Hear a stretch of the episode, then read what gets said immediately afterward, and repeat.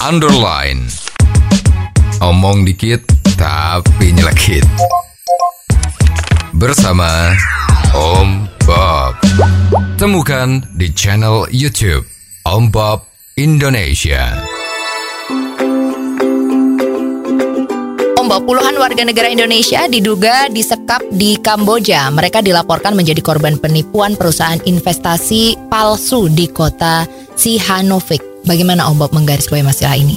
Ya ini ceritanya yang sempat viral itu kan sepertinya itu kan banyak sekali warga negara Indonesia yang ada di Kamboja yang sekarang itu lagi disekap. Ya, Tapi kemarin sudah ada berita kok kalau Menteri Luar Negeri kita sudah melakukan lobby-lobby dengan pemerintah Kamboja dan sepertinya sudah mulai ada yang dikirim kembali ke Indonesia secara bertahap ya. Kalau nggak salah 10 atau 20 sudah mulai pulang. ya, Ah, yang paling menjadi keheranan kita itu adalah berita itu kan baik yang di sosmed Mhm. maupun yang ada di media konvensional maupun keterangan dari pemerintah. Itu tidak ada yang menjelaskan sebetulnya itu titik penipuannya atau sebab-sebabnya itu apa? Itu tidak ada. Ya cuman diberitakan bahwa terlibat penipuan dalam investasi bodong. Ya, ya. Nah, seperti diketahui di Indonesia kan juga banyak itu investasi bodong tuh, ya. Yaitu investasi yang pakai internet, ya. Lah, kalau nggak salah ini orang-orang Indonesia yang dikirim atau direkrut di Kamboja itu adalah tenaga-tenaga yang memang mempunyai keahlian di dalam bidang komputer atau IT.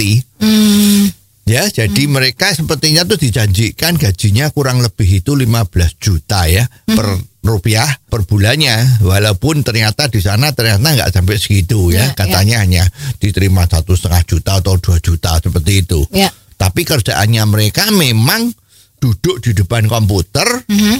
dan dia orang itu melakukan penawaran-penawaran transaksi terutama kepada orang-orang yang di Indonesia karena dia memang mem- kemampuan bahasa Indonesianya bagus. Ya, ya. Nah, sekarang orang Indonesia kemarin kan banyak yang kena investasi bodong lewat internet ini.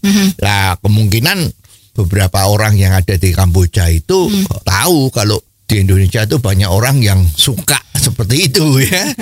suka ditipu. ya, dengan eh, investasi-investasi bodong yang eh, lewat internet itu. Jadi dia merekrut orang-orang Indonesia. Hmm, Lah pertanyaannya sekarang ya. kalau orang-orang Indonesia yang di sana itu ditangkap sama pihak kepolisian atau aparatnya Kamboja, Ya. itu sebetulnya dia itu kena tipu atau dia menjadi alat atau membantu orang untuk menipu. Ya, Ya. karena dia dipekerjakan di sebuah perusahaan investasi yang katanya bodong Ya. dan dia mencari klien-klien untuk bisa menjadi kliennya investasi itu dan ternyata bodong. Ya, ya. Nah ini kenapa kok tidak begitu jelas ya? Cuman dikatakan bahwa mereka dikatakan dijanjiin gaji 15 juta tapi cuman diterima satu setengah juta. Ya. Terus setelah model-model yang seperti ini ketangkep sama aparat Kamboja, Mhm. nah ini sebetulnya dia tuh korban apa pelaku? Ya, Jadi sebetulnya pemerintah jangan terlalu tergesa-gesa Mhm. untuk menyatakan bahwa ini mereka ditipu, ditipu sehingga disandera lah, Ya. diseksa lah atau diapa-apakan sehingga kita jadi panik. Mhm.